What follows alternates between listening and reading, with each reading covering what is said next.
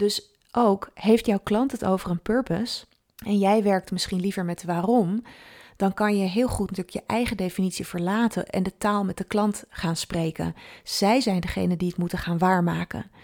Maar zorg er wel voor dat je eerst heel goed incheckt bij de klant wat zij met die definitie bedoelen. Want ik heb zelf veel te vaak meegemaakt dat een klant mooie termen heeft gehoord of een keer een artikel heeft gelezen, omdat ze weten, oeh, we gaan dit jaar een rebranding doen. En dat ze eigenlijk zelf die termen ook nog niet zo goed hebben geladen. Dus dat staat je echt te doen. Hey, hallo en welkom bij Merkverhalen, de podcast voor mensen die merken maken. Ik ben Fanny Evers, jouw host op deze reis. En vandaag neem ik je mee op een solo-trip. Want soms spreek ik ook andere mensen uit het veld en het liefst iets daarbuiten, zodat we mooie kruisbestuivingen krijgen over merkstrategie en facilitatie. Maar vandaag neem ik je mee in een QA. En deze vraag werd gesteld door een ontwerper die uh, in de cursus merkstrategie meedoet. Daar hebben we vaak QA's, dus deze vraag kwam daarboven. Toen dacht ik, ja, dat is eigenlijk wel een soort de heilige graal van merkstrategie vragen. Dus hé, hey, laten we die gewoon uh, eens oppakken en samen ontleden. En de vragen die luiden, wat is nou het verschil tussen de visie, de missie, de why en de purpose van een merk? En als ik merkstrategie ontwikkel voor mijn klant, voor mezelf, moet ik ze dan allemaal invullen? Ja, dat is een onwijs mooie vraag, hele goede vraag. Want dan zul je net zien dat je heel grondig werk hebt gedaan met je klant. Je hebt voorwerk gedaan, je hebt een prachtige sessie gehad, je hebt opgehaald. Je hebt een visie in elkaar gezet eh, met alles wat je hebt opgehaald. Je levert dat op, nou iedereen tevreden. En om een week of twee later komt de vraag: ja, um, moeten we niet eigenlijk ook een purpose hebben? Omdat je klant dat misschien ergens heeft gehoord. Nou, dat willen we voorkomen voorkom je met name door heel goed aan de voorkant uit te leggen wat de definities zijn, wat je gaat doen en waarom. Maar ook ja, hoe kun je dat doen door zelf goed te weten waar we het nou over hebben. Dus dat gaan we doen. Hoe hou je het nou helder voor jezelf en je klant? Dus wat zijn nou de definities? Daar gaan we naar kijken. We kijken ook naar de geschiedenis. Want de woorden bestonden wel misschien, uh, maar zo ingezet als uh, strategische tool voor bedrijven, dat is toch eigenlijk helemaal niet zo lang aan de hand. Ik neem je mee in een aantal voorbeelden, want dat werkt natuurlijk het beste. En mijn doel met deze aflevering is dat jij helderheid krijgt, zodat je sneller raak zit met je klant. En geen tijd verdoet aan het invullen van vakjes, heel erg netjes en braaf, die je eigenlijk niet hoeft in te vullen. Nu was er eens een tijd, lang, lang geleden, nee, nog helemaal niet zo lang geleden, een tijd zonder uitgesproken visies en missies. En nu is er een tijd met uitgesproken visies en missies. Dus waar zit nou precies die omslag? Nou, dan neem ik je eventjes mee naar Wenen in 1909. Want toen werd Peter Drucker geboren. En het mooie was dat Peter Drucker werd geboren twee jaar na mijn oma. Mijn oma werd ergens in, bij, nabij Duitsburg in Duitsland geboren. Um, en ik vond het leuk toen ik weer Peter Drucker even voorbij zag komen en dat jaartal van zijn geboorte zag. En dan zo denk aan mijn oma, die ik dus niet zo lang heb gekend, want zij was al wat ouder uh, toen zij mijn moeder kreeg. En vandaar dat ik haar wel heb gekend, maar niet zo lang. Maar ik werd zelf zo teruggeslingerd in die tijd. Deze mensen hebben twee oorlogen meegemaakt. En ja, leefde in een tijd van, ik was er natuurlijk niet bij, maar kan ik me zo voorstellen van het, het doen en het maken. Dus geen uh, managementlagen, geen consultancy-retoriek.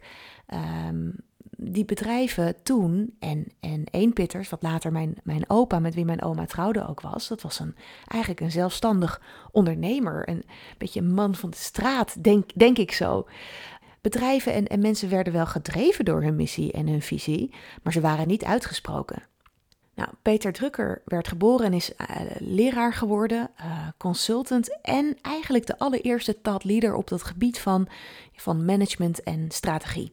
Dus hoe kwam het dat er meer behoefte begon te ontstaan aan dat uitgesproken aan de voorkant laten zien van je visie en je missie?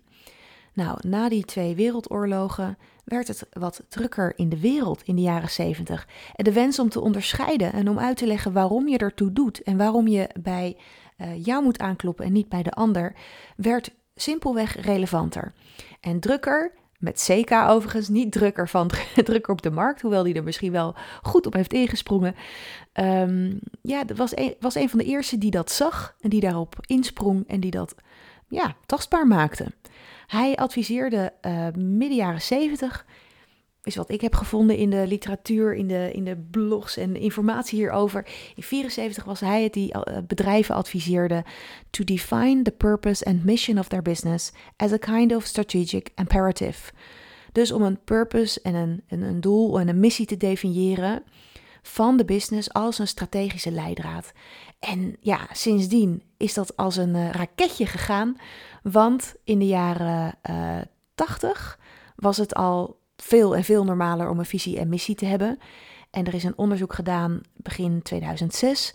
En toen bleek dat van de grote bedrijven wereldwijd 85% een missiestatement hadden. Dus het is gelukt. Het is boven water gekomen dankzij uh, meneer Drukker. Nu hoor je mij in de ene zin al, uh, al zeggen: de missie komt daar naar voren, maar ook de purpose of doel. En nou hebben we dus de missie, we hebben een visie, we hebben een why en we hebben een purpose. En wat is nou precies wat en wat heb je nou werkelijk nodig? In een Forbes-artikel kwam ik deze zin tegen. Ik lees hem even voor in het Engels. En dan zie je al hoe die woorden met elkaar kunnen gaan dansen. Ik las Many people now believe that mission is essential for business because it infuses a sense of purpose into the people who make the business real. Why do we show up for work every day? Why do we choose this type of work over something else? What are we hoping to accomplish? Dus wat je hierin hoort, is dat de missie van een bedrijf een gevoel van doelgerichtheid of doel, ja, doelmatigheid, purpose, in de mensen wakker maakt die het bedrijf, de business moeten gaan werkelijk maken, leven. En vervolgens staat er waarom komen ze elke ochtend uit bed voor om naar werk te gaan en waarom kiezen ze dit type werk over een ander type werk. Wat hopen ze te bereiken en wat is in de Golden Circles van Simon Sinek natuurlijk ook nog een van de elementen. Wat doen we precies? Nou, wat ik het allerbelangrijkste vind voor jou om nu mee te nemen uit deze hele podcast-aflevering is dat jij zorgt voor jouw definities en die stem je goed af met de klant.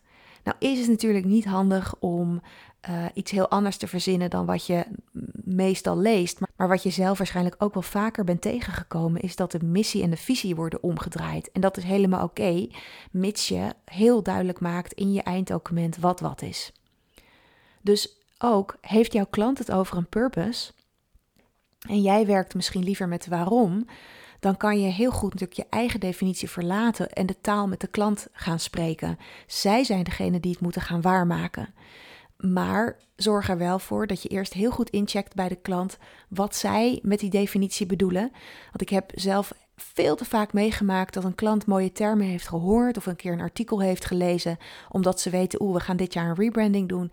En dat ze eigenlijk zelf die termen ook nog niet zo goed hebben geladen. Dus dat staat je echt te doen.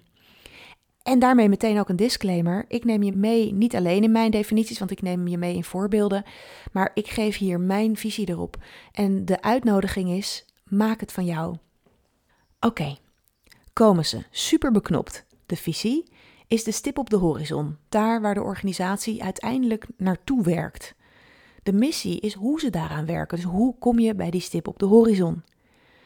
De waarom is, wat mij betreft, zijn dat de onderliggende intrinsieke drijfveren. Waarom doen we wat we doen? En de purpose lijkt daar heel erg op, kan zijn de waarom, de drijfveer. Maar je komt de purpose ook vaak tegen als de visie waar je heen wil, een soort bestemming en doel.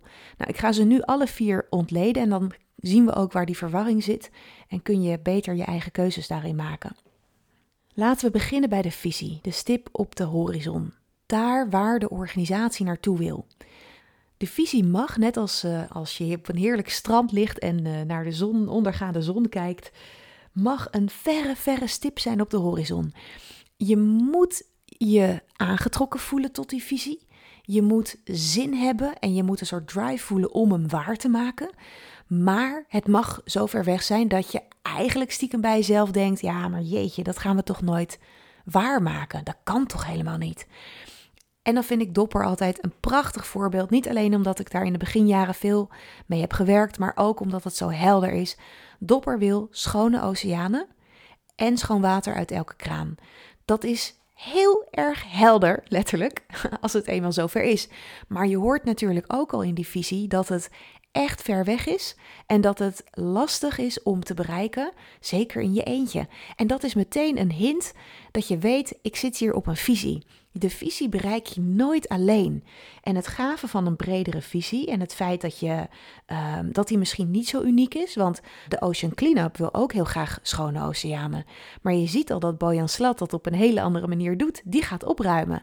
En Dopper heeft jaren geleden besloten, dan moeten die wegwerpplastic flesjes van de markt af, want die komen via de rivieren in de oceaan terecht. Beide bedrijven werken aan dezelfde visie.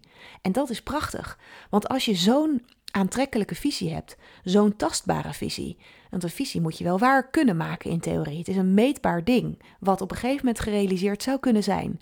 Maar als hij dus zo breed is en zo aantrekkelijk, dan kun je dus als organisatie of als eenpitter, idem dito, partners vinden bij die visie.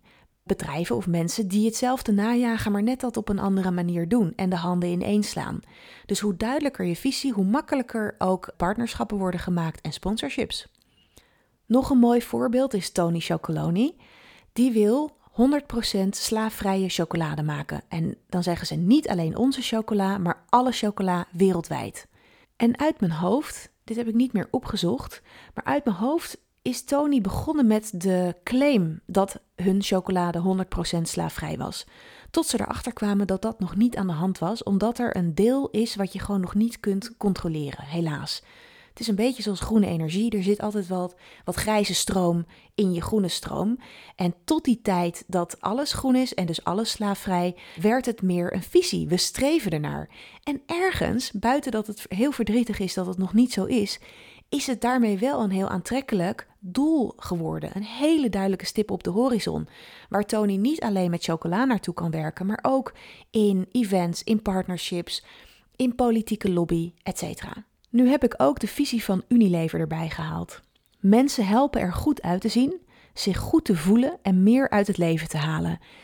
Dit wordt letterlijk als uh, visie op de website gegeven. En wat ik denk wat hier is gebeurd, is dat Unilever zo groot is en dat er zoveel onder valt, dat het nog best wel lastig is om een hele uitgesproken uh, visie neer te zetten.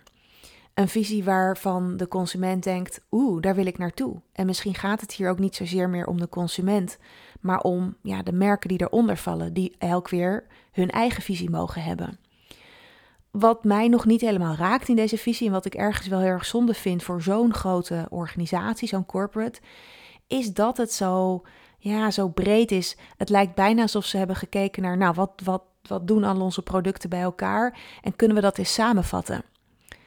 de methodiek die ik gebruik om zelf met mijn klanten achter hun visie te komen, als die nog niet heel uitgesproken is. Soms heb je natuurlijk een oprichter van een bedrijf en dan is die visie gewoon uh, de droom waarmee diegene op een gegeven moment wakker werd en dan heb je hem al heel snel. Maar er is een hele mooie methodiek om stap voor stap eigenlijk naar de visie toe te komen. De visiepyramide noem ik dat. En de onderste, ja, de basis, de onderste laag van die piramide, die gaat over wat lever je. Dus wat zijn de producten en de diensten en op welke manier lever je service. En vanaf daar kun je stap voor stap gaan kijken welke impact heeft dat één direct op jouw klant. Vervolgens, wat betekent dat in het leven van jouw klanten, dus veel breder. En dan ook, ja maar, en wat zegt dat dus over waar wij toe op aard zijn? Dus daarin zit ook een volgordelijkheid. Er zit ook een basis. Wat doen we? En vanuit daar destilleer je de visie. Echter, ik zorg er wel altijd voor dat ik zo intune op mijn klanten dat ik meer onder de radar voel. Maar waar is het jullie nou om te doen? Dus als we in die top van die piramide komen bij waarvoor zijn wij hier? Wat is ons grote streven? Wat is onze visie? Dan wil ik niet dat het zomaar een samenvatting is van wat we aanbieden. En dat voel ik hier wel een beetje en dat vind ik een gemiste kans. Nu gaan de visies van tegenwoordig en ook die van Unilever, dus dat is helemaal top, over de impact op anderen. Dus op de maatschappij, op de wereld, op mensen. Dat was vroeger nog niet zo. In de jaren 70 was het heel erg nou, geconcentreerd op de organisatie zelf. Nike bijvoorbeeld had als doel, visie of missie, kun je vraagtekens bij zetten wat het nou precies is. Maar het was in de jaren 70 Crush Adidas. Gewoon de concurrent verpletteren. En als we dat hebben bereikt, dan zien we wel weer verder. Dan vieren we even de feest en uh, dan gaan we door. Terwijl nu zegt Nike to bring inspiration and innovation to every athlete in the world. Dus nu is het veel meer klantgericht, veel meer naar buiten toe. Maar dat Crush Adidas, dat was natuurlijk wel, ja, om terug te zien vind ik dat echt heel erg leuk. Nog een voorbeeld van een visie die, nou, nogal egocentrisch is. Ik heb hier overigens geen bron voor gevonden, maar ik heb hem zo vaak gezien dat ik hem toch wel durf uh, voor te lezen. De BBC zei: To be the most creative organization in the world als visie. Lastig meetbaar ten eerste. Uh, wanneer weet je dat je het meest creatief bent? Maar goed, daar kan je wel wat parameters misschien aan koppelen achter de schermen. Maar ja, het zegt vooral iets over hun. Er is geen enkele impact in te zien in deze zin. Op dit moment, dus nu, hebben ze een heel andere visie. En hou je vast, want ik lees hem even voor, want hij is nogal lang. To act in the public interest. Dus daar zie je meteen het publiek al terugkomen. Serving all audiences, dus wederom voor iedereen, through the provision of impartial, high quality and distinctive output and services which inform, educate and entertain. Wat je hier ziet in het voorbeeld van de BBC is dat er een visie en een missie al door elkaar heen zijn verweven en naar buiten zijn gebracht. En dat is helemaal oké. Waarom zou je twee losse zinnen um, presenteren die net een beetje kalig voelen, als je het samen tot een groot goed geheel kan maken. Nu voel ik wel een beetje bij de BBC en ik lees hem nog een keer voor. To act in the public interest, serving all audiences through the provision of impartial, high quality and distinctive output and services which inform, educate and entertain. Dit is een hele dienende houding. To act in the public interest, serving all audiences. En vervolgens zeggen ze: um, we informeren, we leiden op en we entertainen. Het is geen hele heldere stip aan de horizon waar mensen op kunnen instappen om daar naartoe te gaan. En ergens is dat zonde. Dus het is heel dienend, maar met welke impact? Ik ben stik nieuwsgierig. Konden ze dat niet uitspreken? Durven ze dat niet uit te spreken? Willen ze dat misschien niet uitspreken omdat ze zichzelf als een objectieve organisatie zien? Alsnog denk ik dat het interessanter is en aantrekkelijker voor de buitenwereld, en daarmee bedoel ik ook nieuwe werknemers die misschien solliciteren, als je wel wat meer uitgesproken bent over waar je naartoe wil, zodat mensen hun eigen haakje kunnen vinden. Hé, hey, wat betekent dit voor mij? Wat zijn mijn waarden? Wat is mijn drijfveer? En nou ja, die haak ik graag op dit avontuur aan. Oké, we hebben goed stilgestaan bij de visie. Laten we nu kijken bij het hoe kom je dan op die stip op de horizon, de missie. Hoe komen we daar? Nogmaals, het wordt vaak verweven geschreven, zoals die uh, mission statement van Nike. En dat is helemaal oké. Wat belangrijk is, is als je ze los van elkaar schrijft, misschien wel in je merkstrategie document wat je oplevert bij je klant, uh, maar ook voor je klant zelf in de externe communicatie. Als je ze los van elkaar schrijft, die missie en visie, zorg dan wel voor onderscheid. Om een voorbeeld te geven waar ik dat zelf een beetje mis, is bij Blokker. Mooi Nederlands merk natuurlijk, vind ik leuk om daar naar te kijken, dicht bij huis. Op een website lees ik: Dagelijks krijgen wij energie om onze visie, en dan komt nu de visie. Wij zijn de vertrouwde plek dichtbij voor inspiratie en oplossingen bij jou thuis waar te maken. Dus ze krijgen de energie van, nou dat is fijn. Wij zijn de vertrouwde plek dichtbij voor inspiratie en oplossingen bij jou thuis. Dat is de visie. En de missie omschrijven ze als helpt mensen met steeds meer nieuwe mogelijkheden voor een schoon, opgeruimd en leuk thuis. Die lijken zo erg op elkaar, die visie en de missie, dat ik zou denken: haak ze dan ook in elkaar en maak er één zin van. Uh, daarbij kan de visie misschien nog wel iets, um, nou, iets aspiratiever. Dus in plaats van alleen maar de vertrouwen plek zijn dichtbij voor inspiratie en oplossingen, wat redelijk lijkt op uh, je kunt hier je mogelijkheden vinden voor uh, schoon opgeruimd en een leuk huis, zou je ook nog eens kunnen vragen aan uh, Teamblokker, als mensen dit dan hebben, wat wordt er dan voor ze mogelijk? Dus wat voor een type leven heb je als je dit huisstuk zo op orde hebt? ehm, wat heb je dan wel? Wat kan er dan wel? Wat je zonder de ingrediënten en de blokker op de hoek niet kan. En als je dan in een sessie zit met je klant, hè, en het gaat hierover, en je bent er bijna, alle ingrediënten liggen als het ware op tafel, dan is het zaak dat je je klant van heel dichtbij blijft volgen waar hun drijfveren op zitten. Want in het geval van blokker zou dat bijvoorbeeld kunnen zijn: het gaat er vooral om dat mensen vertrouwen hebben. Dus die vertrouwde plek dichtbij. Wat gebeurt er als mensen vertrouwen hebben en zo'n winkel om de hoek hebben die ze vertrouwen, waar ze even snel langs kunnen om spulletjes te halen, die vervolgens in hun huis hun plekje vinden? Wat doet dat dan verder met dat vertrouwen? Bijvoorbeeld, dat is een pad wat ik zou kunnen belopen als ik in zo'n sessie zou zitten. Maar het kan ook zijn dat het voor Team Blokker veel meer gaat over de steeds meer nieuwe mogelijkheden voor een schoon opgeruimd en leuk thuis. Hey, daar zit iets innovatiefs in. Wacht even, wat is daar aan de hand? Dus dan ga ik dat verkennen. En het, je, kan, je kan verschillende kanten op. En nogmaals, het gaat er dan om dat je je klant van heel dichtbij volgt. Zij moeten namelijk de visie überhaupt willen waarmaken. Uh, zij gaan het doen. En natuurlijk kijk je ook naar de aansluiting met de doelgroep en de markt. Is hier plek voor? Hoe verkoop je dit dan? Is het waar te maken?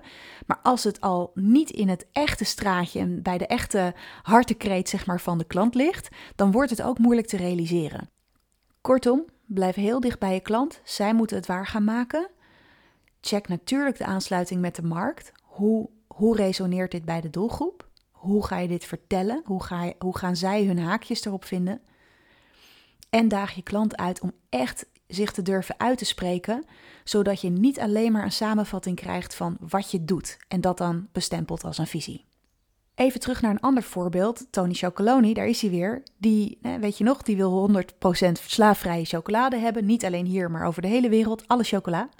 En de missie ligt er heel dicht tegenaan en maakt hem mm, actionable, om het maar op zijn goed Nederlands te zeggen. Samen 100% slaafvrij de norm in chocolade maken. Fantastisch, want als je 100% slaafvrije chocolade wil op de hele wereld, dan kun je dat op verschillende manieren doen. Eén van de manieren is om 100% slaafvrij überhaupt de norm te maken in chocolade. Dus je hoort erin wel dat ze zich op de markt van chocola blijven begeven en het niet opeens helemaal opengooien. Uh, eh, 100% slaafvrij ook in, uh, in, in, kleding, in goudmijnen, noem maar op. Nee, het is wel echt chocola. Maar dit is onze way to go. 100% slaafvrij is de norm. En daarmee leg je eigenlijk nog meer mogelijkheden open om die visie te gaan bereiken. Want ze doen dat, zoals ik eerder al zei, met die chocola. Maar je leest hierin ook wel dat je een, ehm, een, een lobby zou kunnen starten. En dat de evenementen die je opricht en petities bijvoorbeeld die kant ook opwerken en bijdragen aan we gaan er een norm van maken. Dus die vind ik fantastisch. Hij ligt er heel dicht tegenaan. Het zit allemaal in hetzelfde straatje en hij maakt hem tastbaarder. Je kunt hem vastpakken en je kunt het gaan doen. Even terug naar Adidas. De missie die we bij Adidas vinden is to be the best sport brand in the world. hey, wacht eventjes. Dat klinkt alweer als zo'n ouderwetse, wat meer egocentrische missie, toch? Dus hoe zit dat dan? ze zijn niet gecrushed door eh, Nike en dus kunnen ze zelf de beste, beste sportmerk op de wereld zijn. Is dat het dan?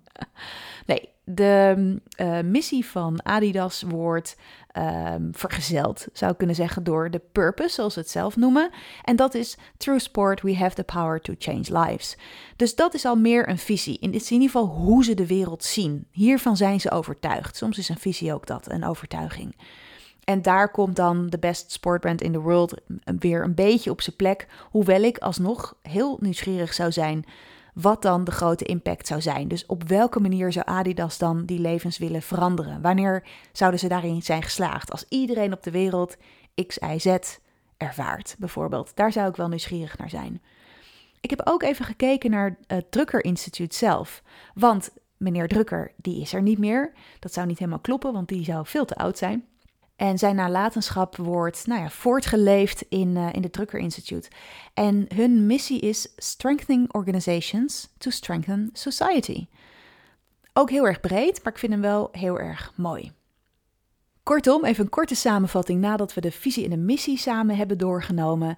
De visie is de stip op de horizon, het grote doel waar, uh, waar ook anderen naar mogen streven. En jij doet dat, of jouw, jouw organisatie of de organisatie van jouw klant doet dat op, op hun eigen manier, op jouw eigen manier. En die manier waarop is de missie. Zorg ervoor dat als je ze allebei omschrijft, wat hartstikke goed is, dat het wel heel duidelijk een visie en een missie is. Tuurlijk mag je ze mixen, graag zelfs als dat gewoon voor de communicatie beter is. Alles voor de communicatie, niet zomaar hokjes invullen terwijl het geen nut heeft. Maar zorg dan wel dat ze zich onderscheiden en daag je klant uit om echt te kiezen. Dan wordt het wat complexer. Nog complexer. Ik weet niet hoe het met jou gaat tot nu toe. Met mij gaat het goed. Ik heb het nog wel helder uh, voor ogen. Maar nu komen we bij de purpose en de why. En weet je, dan kom je gewoon op heel veel termen die ongeveer misschien wel hetzelfde zeggen.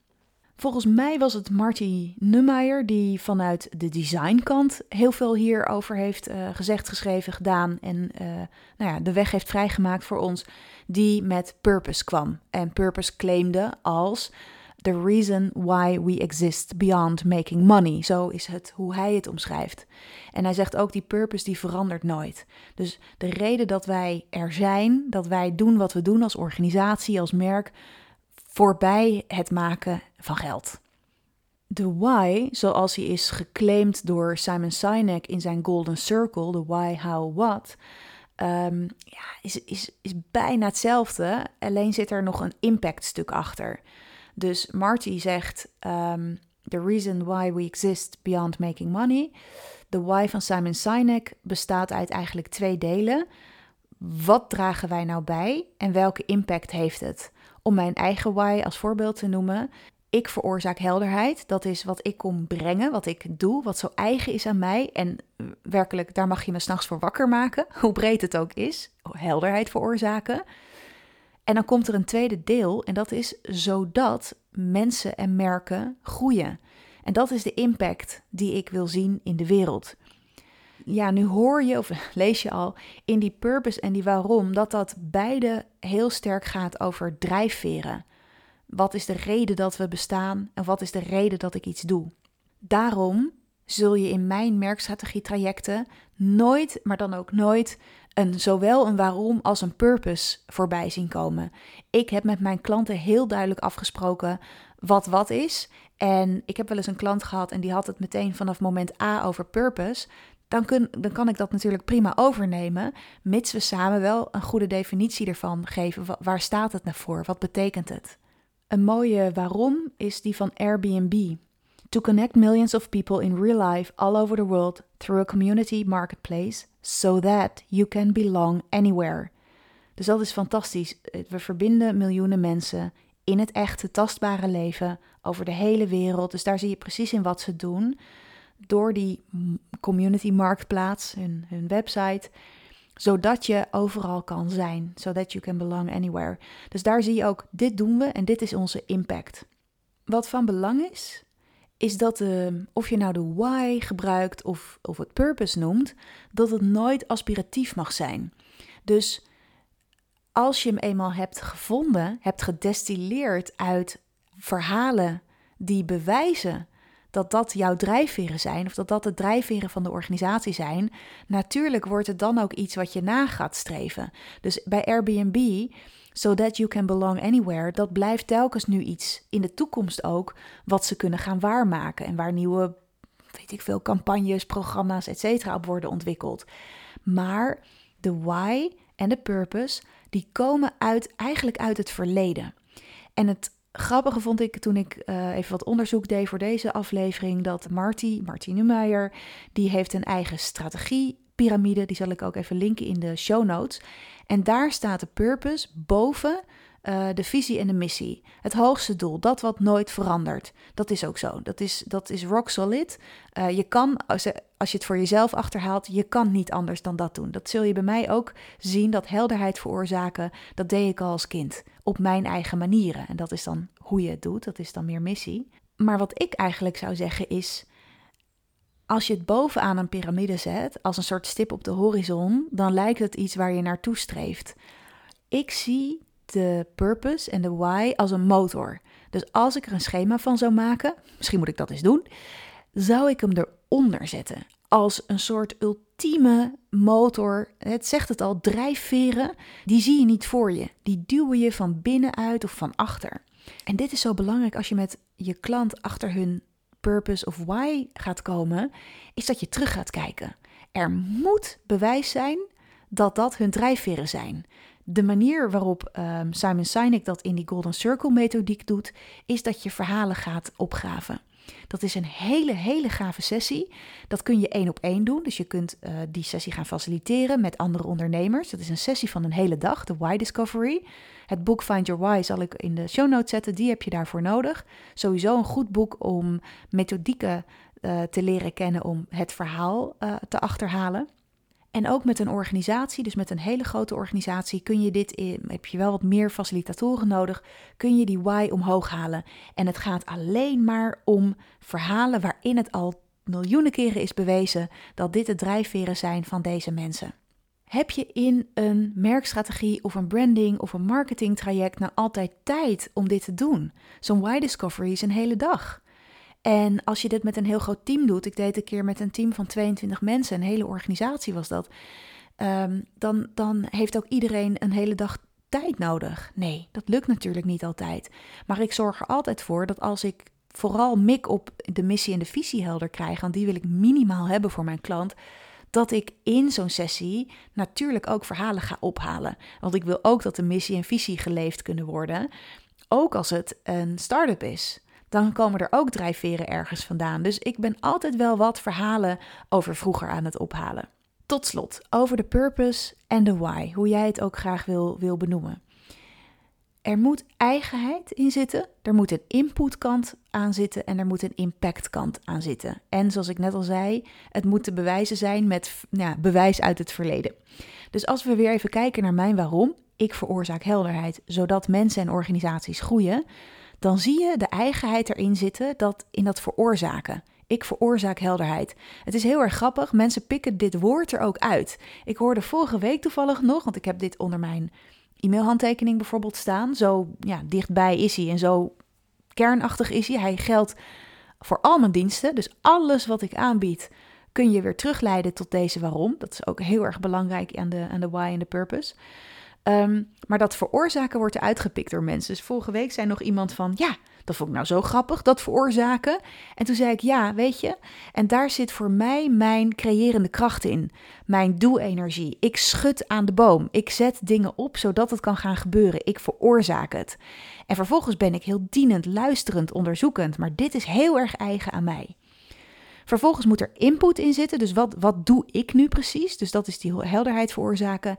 En er moet impact in zitten, zodat mensen en organisaties groeien. Dan heb je een prachtig rond verhaal. Ik wil afsluiten met waar ik ook mee begon, namelijk het aller, aller, allerbelangrijkste punt. En dat is dat je allereerst voor jezelf en vervolgens natuurlijk ook voor jou en je klant heel erg helder maakt wat jullie onder deze definities verstaan, hoe je ze invult en wat je wel doet en wat niet als ik met een ontwerper samenwerk of een ontwerpbureau aan de rebranding van een organisatie en we leveren het brandboek op, dan wil ik er eigenlijk altijd voor zorgen dat op het moment dat we daar de missie en de visie ook even laten zien, beknopt voordat het over vorm gaat, dat we een korte uitleg geven over wat lees je hier nou, de stip op de horizon en hoe komen we daar. Dit zijn de missie en de visie. Zodat jouw klant als dat brandboek doorgegeven wordt of doorgelinkt wordt naar andere partijen, dat iedereen even ja, incheckt op dezelfde definitie. Dus dit is van belang. Tweede punt, ga niet alle vakjes netjes inkleuren en invullen als dat helemaal niet nodig is. Nogmaals, wat mij betreft zijn purpose en de why vrijwel hetzelfde. En um, zou het heel verwarrend worden als je die allebei gaat invullen, toch? Daarbij heb je misschien niet alle ruimte in je traject om alles zo meticuleus in te vullen en hou je het bij visie en missie en zorg je er met name voor dat je die wel kunt staven aan bewijs uit het verleden.